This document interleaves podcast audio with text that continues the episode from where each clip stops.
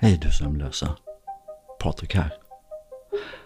Välkommen, eller välkommen tillbaka till Jag måste sova. Till avsnitt två. Uppföljaren till den ännu inte hyllade debuten. Den ångestfyllda vandringen mot förväntningarna. Fortsättningen som ska nagelfaras. Nej, inte riktigt va. För dig som kanske lyssnar på podcasten för första gången så gör jag Jag måste sova för dig som inte vill slösa bort smarta och kloka podcast men som ändå gärna vill ha sällskap av en röst när du ska somna. En röst som inte har allt för viktiga saker att prata om. Och här är rösten. Och jag jobbar med rubriker bara när jag gör de här eh, avsnitten. Eh, ja, och det finns förklaring till det på andra ställen. Men i alla fall, jag jobbar bara rubriker och man vet liksom aldrig riktigt vilka rubriker som kan dyka upp.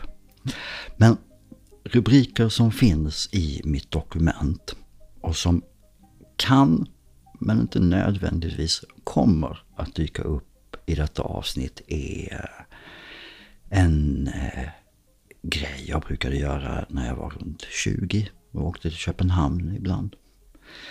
En eh, happening-grej vi gjorde på Hultsfredsfestivalen för en massa år sedan som hette Hemligheter. Min upplevelse av bandet The Ark på samma festival. Kanske en promenad i Malmö från Ystadgatan till Triangelns köpcentrum eller något. Eller en dag här i Vollsjö på sommaren. Just nu är det vinter. Eh, kanske en liten betraktelse av min släkt på min pappas sida. Som jag sen tänkte skulle försöka koppla till eh, eh, sociologen Johan Asplund. Som har skrivit en bok på, på det temat. Inte på min släkt men. Eh, kanske om när jag kom på vem som låg bakom kapitalismen och varför. Eh, ja, det kan bli någon av de här rubrikerna men det kan också bli någonting helt annat. Jag vet inte. Vi, vi får se var vi tar vägen helt enkelt. Om du är redo och har lagt dig till rätta så är jag också redo. Jag tänkte jag skulle börja med att prata om det här med att somna. Och för dig som har lyssnat på något annat avsnitt, eller i det här fallet just nu när jag spelar in det här, lyssna på första avsnittet så pratar jag ju där om skäl till att ha svårt för att somna eller kanske varför det blir lättare att somna eh, med hjälp av någon som sitter och pratar. Och då kom jag idag på att tänka på att det finns ju en sak till. Jag pratade med en, en vän eh, om just det här med att man måste sova. Och då pratade vi, och då berättade hon om att det här med att man kan känna en oro för att man inte ska somna. Och faktum är att bara den oron att jag vet inte om jag kommer kunna somna. Är det så nu att jag inte kommer kunna somna? Liksom man börjar spinna upp i den där tanken. Ja, men då, för mig brukar det verkligen bli väldigt mycket svårare att somna om jag tror att jag ska få problem att somna. Och sen går det troll i det där och jag märker när jag vrider och vänder på mig i sängen. Och sista steget i det, det är när jag liksom glider ner från huvudkudden och lägger huvudet på min arm direkt på madrassen på sängen. Då vet jag om att nu är vi här. Det kommer att bli svårt. Har jag tur så somnar jag. Men om jag börjar vrida på mig därmed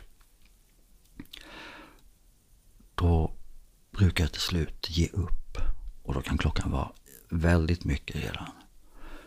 Eh, och då känner jag att jag behöver distraktion. Och då kanske jag redan har börjat natten med att sätta igång en podcast. Och den har inte hjälpt. Eh, och då, då brukar jag kunna vet, så här, sätta igång någon av streamingtjänsterna och då ska man också hitta någonting som inte är för intressant, som inte är för engagerande. Och det kan ju ta en stund. Och sen ligger jag där och tittar i starkt ljus. För att i mitt sovrum så tittar jag på tvn. Eh, och då ligger jag i det här starka ljuset där och försöker somna. Och sen somnar jag och sen så snurrar det på några avsnitt till innan streamingtjänsten undrar du, eh, är du där? Ska vi fortsätta och titta? Eh, och den, den tycker jag är svår. Då skulle jag hellre haft en sån som mig själv och ligga och lyssna på. Och somna till. Någon som inte säger så mycket viktiga saker. Men som är där och håller i sällskap. För en massa år sedan, det måste vara drygt tio år sedan, så blev jag tillfrågad om jag ville vara med och göra en eh, happening-aktig grej på Hultsfredsfestivalen, när den fortfarande fanns. Och konceptet var att man under dagtid på festivalen gick runt till festivaldeltagarna och frågade om de ville dela med sig av en hemlighet. Eh, och det kan jag säga att det ville inte de flesta från början. Men när vi lät dem förstå att den här hemligheten skulle bli helt anonym. Att ingen annan, inte ens vi som var ute och samlade in hemligheterna, skulle få veta att det var deras hemlighet. Då blev folk väldigt generösa och skrev ner hemligheter. Och det gick till på det viset att vi hade med oss eh, några kollegieblock. Och sen slog vi upp, nej inte vi, de själva fick slå upp en blank sida i kollegieblocket. Och så skrev de ner sin hemlighet där. Och slog ihop blocket och lämnade tillbaka det till oss. För då hade de fått dela sin hemlighet. Och ingen visste att det var deras hemlighet. Och sen framåt sen eftermiddag, jag vet inte, kanske vid femtiden så, så avslutade vi insamlingen och sen så gjorde jag och en, en kille som heter Tias som ett eh, spoken word-pass. Eh, där vi var. Och eh, vi hade såklart låtit folk få veta att vi kommer att göra som ett framförande av här där din hemlighet kanske kommer att läsas upp. Och så spelade Tias en massa ambienta beats. Liksom inte speciellt så här supertraditionellt musikaliskt utan mer liksom pulser och ljud. Och, och så läste jag bara random ur de här blocken. Eh, och det här blev väldigt populärt för att naturligtvis så kom ju väldigt många av dem som hade lämnat hemligheter och vi hann samla in rätt många på en dag. Eh, och så kom det kanske några av deras vänner och sen så spred väl sig det här att det händer någonting där som är rätt spännande. Eh, och jag tror det var andra dagen så sprang jag på en av eh, de som jobbade som meteorologer på, på Rapport och Aktuellt där. Och tänkte, äh, jag chansar.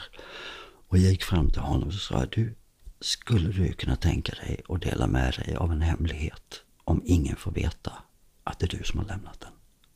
Och han blev väldigt engagerad. Så det vill jag absolut göra. Det vill jag jättegärna göra.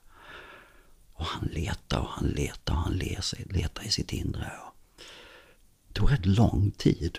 Men han, han gav inte upp. Han ville verkligen hitta någonting att skriva ner. Och så gjorde han det. Och sen på kvällen mycket riktigt så, så kom han till när vi skulle ha vår lilla, vet inte, föreställning kanske man kan kalla det för. Och var en av dem som lyssnade.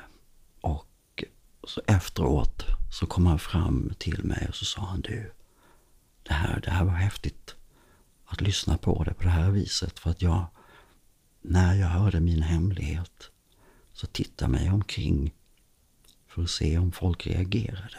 Och jag såg att de reagerade inte speciellt mycket. Och massa av de hemligheter som jag hörde var, var mycket allvarligare än, än min egen.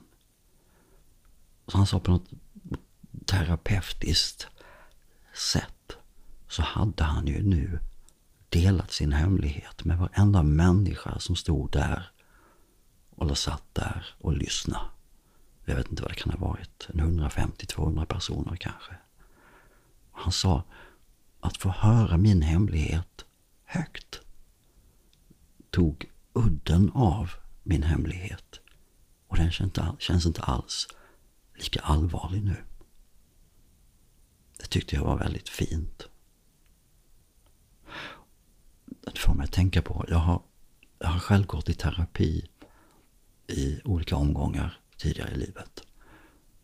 Och någonting som jag upptäckte just där, det var jag skulle gå hos min allra, allra första terapeut.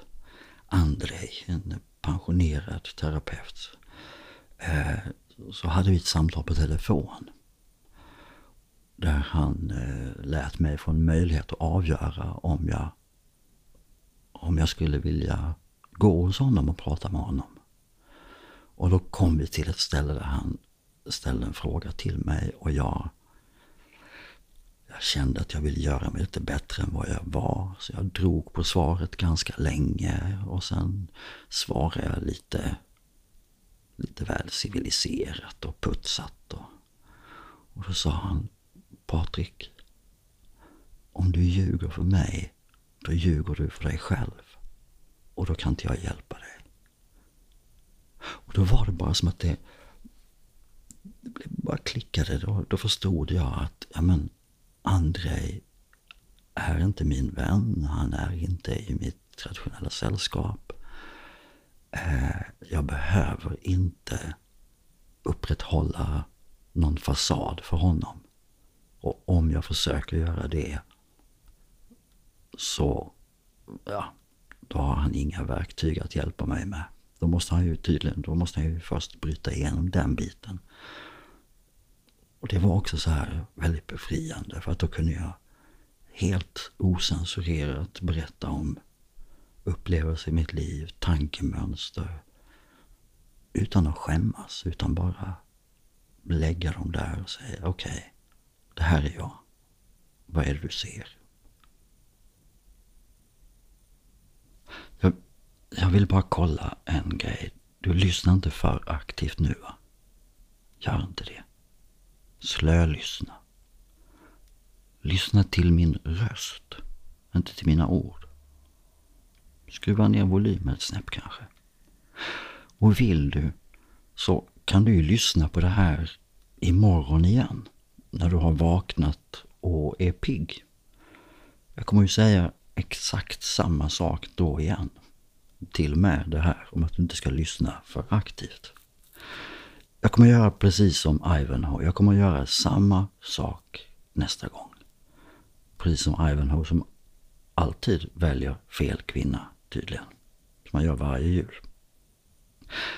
För tanken är ju att du ska somna. Om du inte lyssnar igen dagen efter just nu vill säga. Men det primära för mig det är att du ska somna. Så lyssna inte för aktivt på orden. Lyssna bara på rösten. Och låt den smita iväg om du är på väg in i sömnen. Håll inte fast vid det här. Jag finns kvar här imorgon igen. Vet du vad?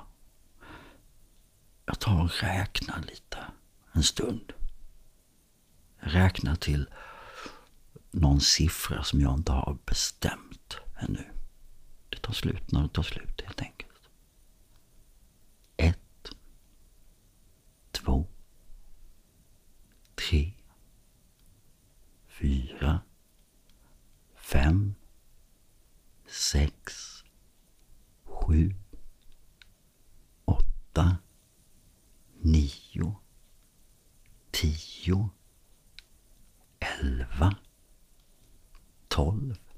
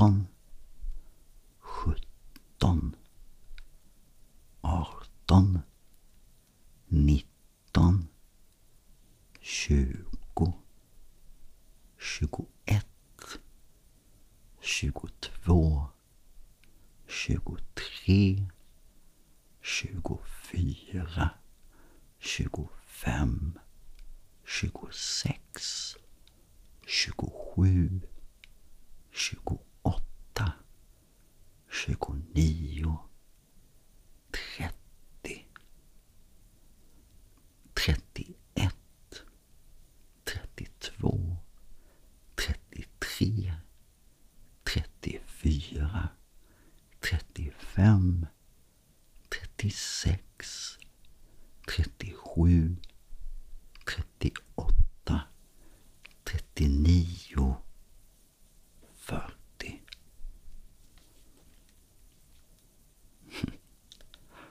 När jag räknade där innan jag hade kommit upp till 20 så kom jag att tänka på fem myror är fler än fyra elefanter och deras räknesånger som jag alltid slutade på 20. Så jag tänkte, ska jag sluta på 20 och upprepa det? Jag tänkte, nej. Jag tar några siffror till. Jag menar, det har ju ändå gått inflation i allting annat så det kan väl gå inflation i hur långt man ska räkna också. Mm. Okej, okay, jag byter ämne här. Under en period så gick jag och tog olika kurser på eh, universitetet i Lund och på dåvarande Malmö högskola. Eh, som idag är också ett universitet. Jag vet inte riktigt vad som är skillnaden. För mig är det två institutioner där det finns väldigt mycket kunskap. Eh, det var faktiskt någonting som jag... Jag studerade sociologi i Lund. Och var där jag kom till den här sköna insikten att tänk vilken lyx det här. Att kunna gå till en plats där det finns så otroligt mycket kunskap samlad. Och när man har tur möter människor som är väldigt duktiga på att förmedla den här kunskapen. Och att jag dessutom inte behövde betala. Eller jag fick ju, jag fick ju ta lite lån och så här men, men ändå en ganska liten.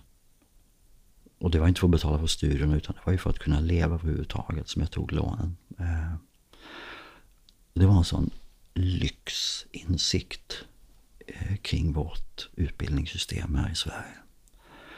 Eh, men det var inte riktigt det jag skulle berätta om. Men jag skulle berätta om, om när jag pluggade sociologi så fick vi ett grupparbete som på ett eller annat sätt handlade om Martin Luther. Eh, och jag gjorde det tillsammans med en av mina studiekollegor som heter Sane Razane.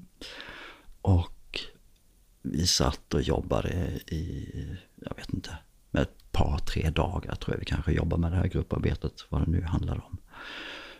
Och när vi satt där och hade läst en massa om, om just Martin Luther och han hade ju den här tanken med att man ska vara sparsam. Och att det ska man vara för att när man väl står där och ska ta steget in i himlen så ska man kunna visa Gud att man har levt ett sparsamt liv. Och då insåg både jag och Sanna att men, är inte det här grunden för det som vi kallar för kapitalism? Att, att, att det helt plötsligt blev en, en att det blev en, liksom en, en grej i sig att spara på sig pengar. Lite grann eh, mest pengar när du dör vinner. Och vi var, var rätt fascinerade över den här insikten och, och, och inte så lite stolta heller över att kanske ha knäckt den algebran, ekvationen eller vad man ska kalla det för.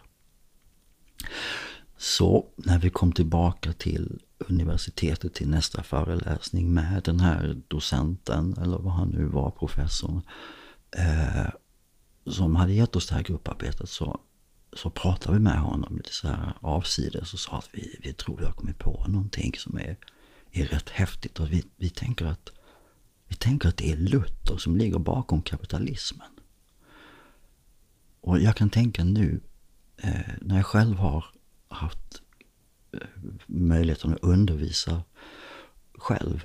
Att hade en elev kommit till mig och sagt det så hade jag tyckt att det var väldigt coolt att de själva har kommit till en slutsats som inte jag har gett dem under min undervisning.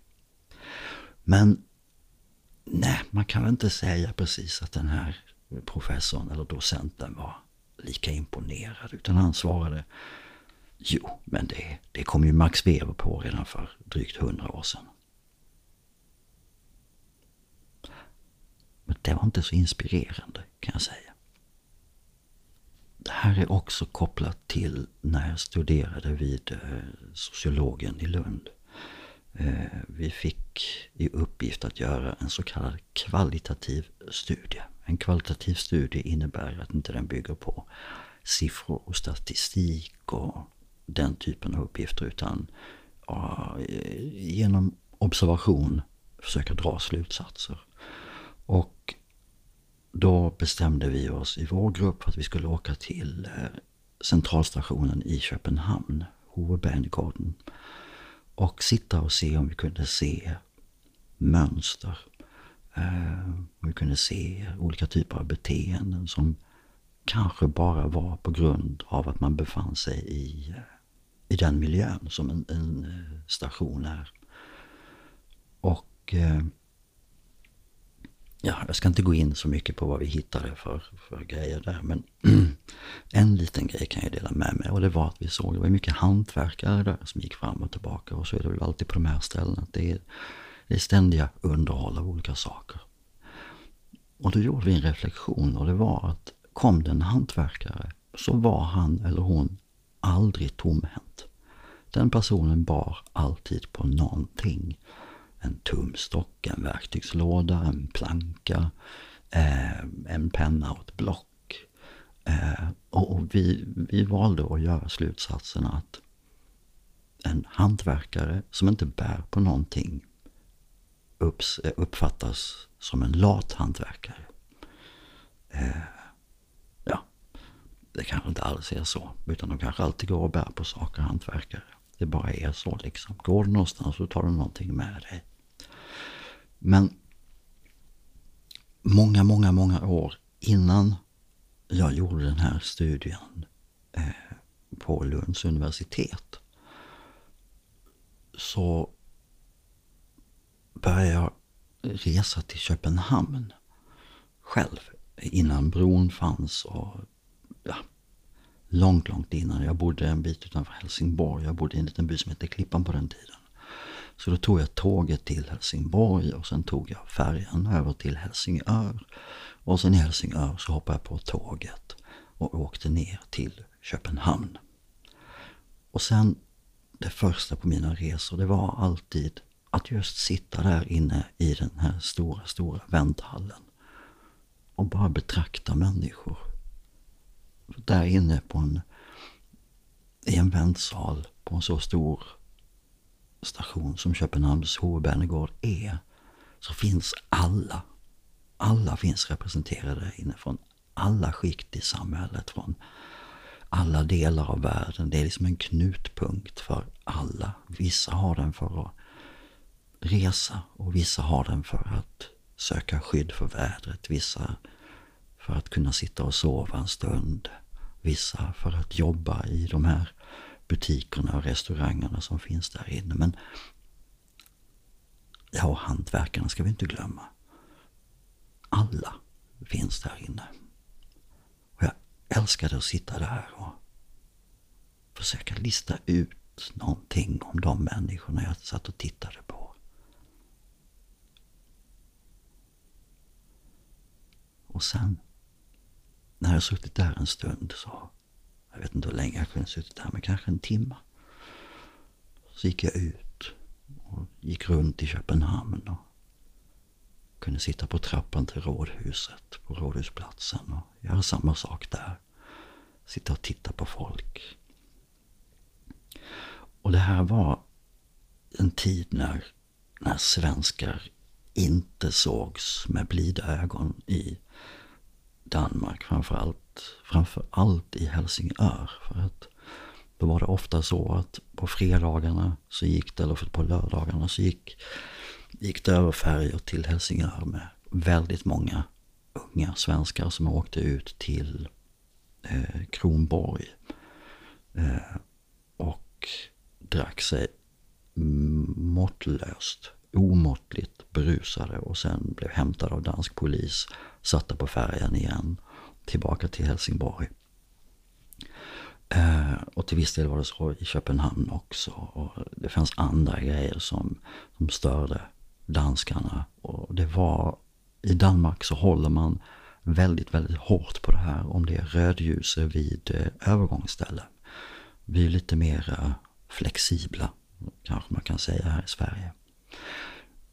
Så om en människa började gå över gatan innan det var grönt ljus så visste dansken att det var en svensk. Och då kom det i ryggen på den människan så bara kom det svenske svin. Eh, det är ungefär motsvarigheten till Ernst Hugos dansk jävlar i riket. Men, eh, men ändå inte. Eh, jo, så att det var inte så coolt att vara svensk i Danmark på den tiden. Och jag ville inte att folk skulle veta att jag var svensk. Och när man är uppvuxen här nere i Skåne så växer man också upp med dansk tv. Så man blir liksom exponerad för det danska språket från att man var väldigt ung. Man tittade på tecknad film på fredagar och vissa andra program som inte gick på Sverige. Vissa tv-serier började gå tidigare i Danmark än i Sverige och så här. Så jag hade redan tidigare i livet försökt mig på det här med att prata danska med danskar.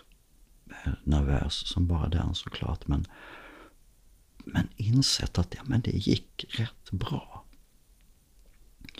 Och det här gjorde jag även sen i Köpenhamn. Att prata med någon så gjorde jag det på danska. Eh, och kanske, jag tycker nämligen det är väldigt kul med språk. Och den musik, den melodi som kan finnas i språk. Kanske, kanske kommer det lite grann från det där att jag snappade upp danskan. Pratade med folk på ett språk som inte var mitt eget. Och märkte att folk förstod mig. Och jag kunde smälta in. Jag tycker om språk. tänkte jag skulle försöka ta med dig på en promenad från, från där jag bodde i Malmö på Ystadgatan på Möllevången och ner mot stan. Det är några år sedan jag bodde där så jag vet inte exakt hur levande jag kan göra det men äh, jag har väl ingen brådska. Jag får ta den tid det tar. Tänk dig att det är en, eh, en lördag. En lördag vid lunch i juni eller juli. Och du befinner dig på en mysig liten innergård. Där är en liten gräsmatta. Där är trädgårdsmöblemang. Där är fyra stycken portar in till fyra olika trappor på den här innergården. Och det står ett, två, tre och fyra ovanför dem. Och där det inte är en liten gräsmatta med ett plank in till granngården så är det stenlagt. Och där är ett cykel cykelhus. Ett lågt cykelhus, ganska nybyggt. Där träet är gråmålat. Om du står så du har porten framför dig så är det som en liten gång ut mot gatan. Och du hör inte speciellt mycket, det är ganska tyst faktiskt. Fast att vi befinner oss på Möllevången i Malmö. Och när du tittar i den här porten så till höger så sitter det sådana här brevlådefack i grå metall. Och så går vi förbi dem och vill du veta vilken som var min brevlåda så är det den som är allra längst ner till vänster. Där det står 001 på. För det var mitt lägenhetsnummer. Det var 001 i trappa 1. Jag bodde på bottenvåningen där. Så, men vi går mot porten. Och det är en ganska ny port med glasfönster i och fint gyllene trä. Och så vrider vi på den här lilla smäckknappen där och drar upp porten och känner att den är, den är tung, den ger motstånd.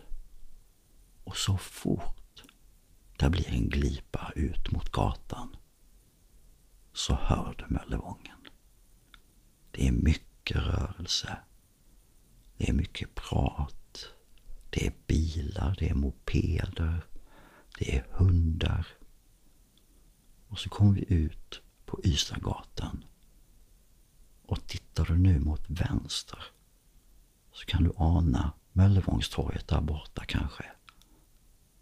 Mindre än hundra meter bort. Så vi vänder, vi vänder vänster på trottoaren här och börjar gå mot torget. Runt omkring dig så ser du butiker med mat från Mellanöstern. Du ser pizzerior, kebabställen.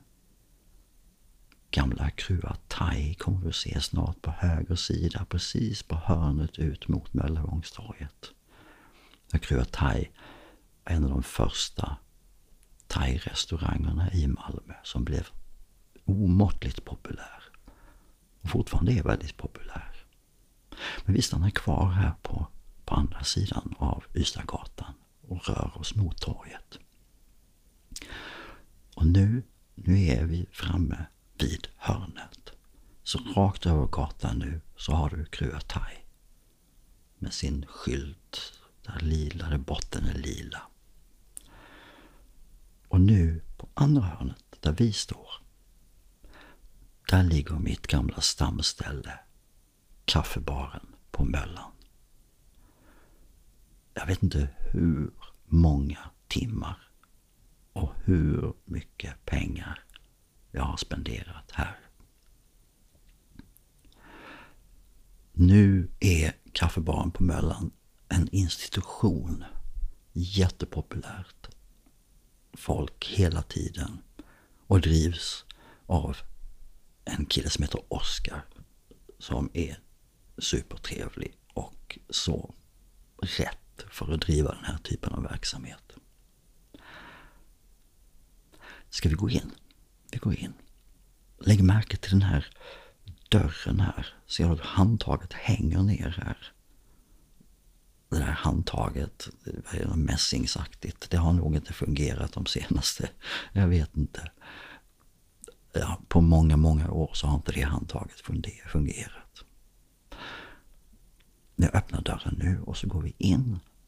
Och här inne så ser du att det är kaklade väggar, vitkaklade väggar. Rakt framför oss har vi serveringsdisken och där bakom står det oftast ganska unga baristor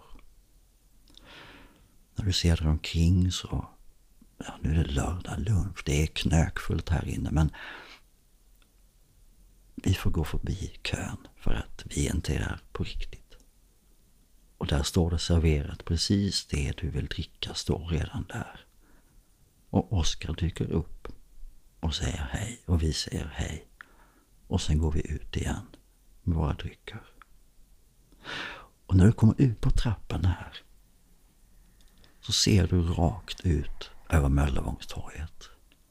Och på en lördag vid lunch så är hela torget fullt av säljare. Av grönsaker och av blommor framför allt.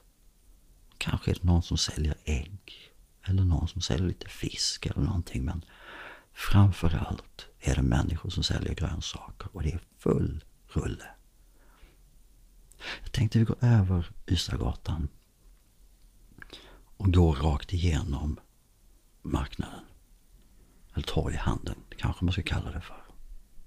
Men verkligen se dig, se dig om till höger och vänster här för att nu är det mycket trafik i rörelse. Och på cykelbanan här med som vi kommer fram till nu. Och nu, nu går vi in där på det kullerstensbelagda torget mellan de här stånden som jag tror, om jag minns rätt, alla har rödvitrandiga tak. Och du hör människor på en massa olika språk. Det, det pratas högt. De försöker sälja på dig grejer. Och det är inte dåliga grejer, så det är bara att köpa om du vill ha. Jag snabbspolar lite grann. Och nu är vi ute på andra sidan och vi har kommit fram till den stora statyn som står alldeles ut med Bergsgatan. Jag tänker inte beskriva den för jag tror inte jag minns den tillräckligt väl. Du får kolla in den någon gång när du är på Möllevångstorget istället. Och nu är vi framme vid Bergsgatan, en fyrfilig bred väg som går hela vägen ner till det gamla konserthuset på ena hållet och upp till Södervärn, den stora busscentralen i Malmö åt andra hållet. Och vi går rakt över för nu är det grön gubbe. Och vi är som i Danmark, man väntar till det blir grönt, eller hur? Och när vi kommer över där, så rakt framför oss, så det hörnet där du ser som är rakt framför oss, det är en, en gul hyreskåk. På hörnet där, tidigare så låg det en butik som han höll på med det mesta. Han sålde väskor, han reparerade skor, han gjorde nycklar. Och det var som var grejen med honom var att när han gjorde kampanjer så hade han väldigt enkla handskrivna skyltar som det stod Vet ni? Alltså vet ni? Utropstecken, frågetecken. Och sen stod erbjudandet där under. Och det här var någonting som alla som bodde på Möllan kände till. Alla visste vem Vettni var.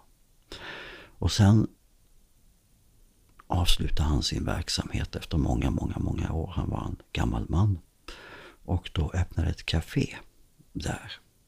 Som också kände till den här grejen. Så att när de sen körde sina kampanjer så stod det såklart Vetni på deras skyltar. Vi går vidare fram mot Södra Förstadsgatan. Och du är fortfarande omgiven av butiker och kebabställen och indiska restauranger och det luktar mycket och det är mycket rörelse. Så se dig om innan du sätter foten ut i gatan och någonting sånt där. Och nu, nu har vi precis kommit fram till Södra Förstadsgatan. Och här på hörnet låg Indian Haweli. Inredningsmässigt en rätt tråkig indisk restaurang men matmässigt väldigt gott. Här har jag ätit många luncher. Ska vi svänga ner på Södra Förstadsgatan till höger och börja röra oss mot Triangeln? vet du vad? Jag tänker att kanske ska vi spara resten av den här promenaden till en annan gång. För med lite tur så sover du nu. Om du inte har somnat och du inte har förberett med ett avsnitt till så kan det vara dags att göra det nu. Sov gott.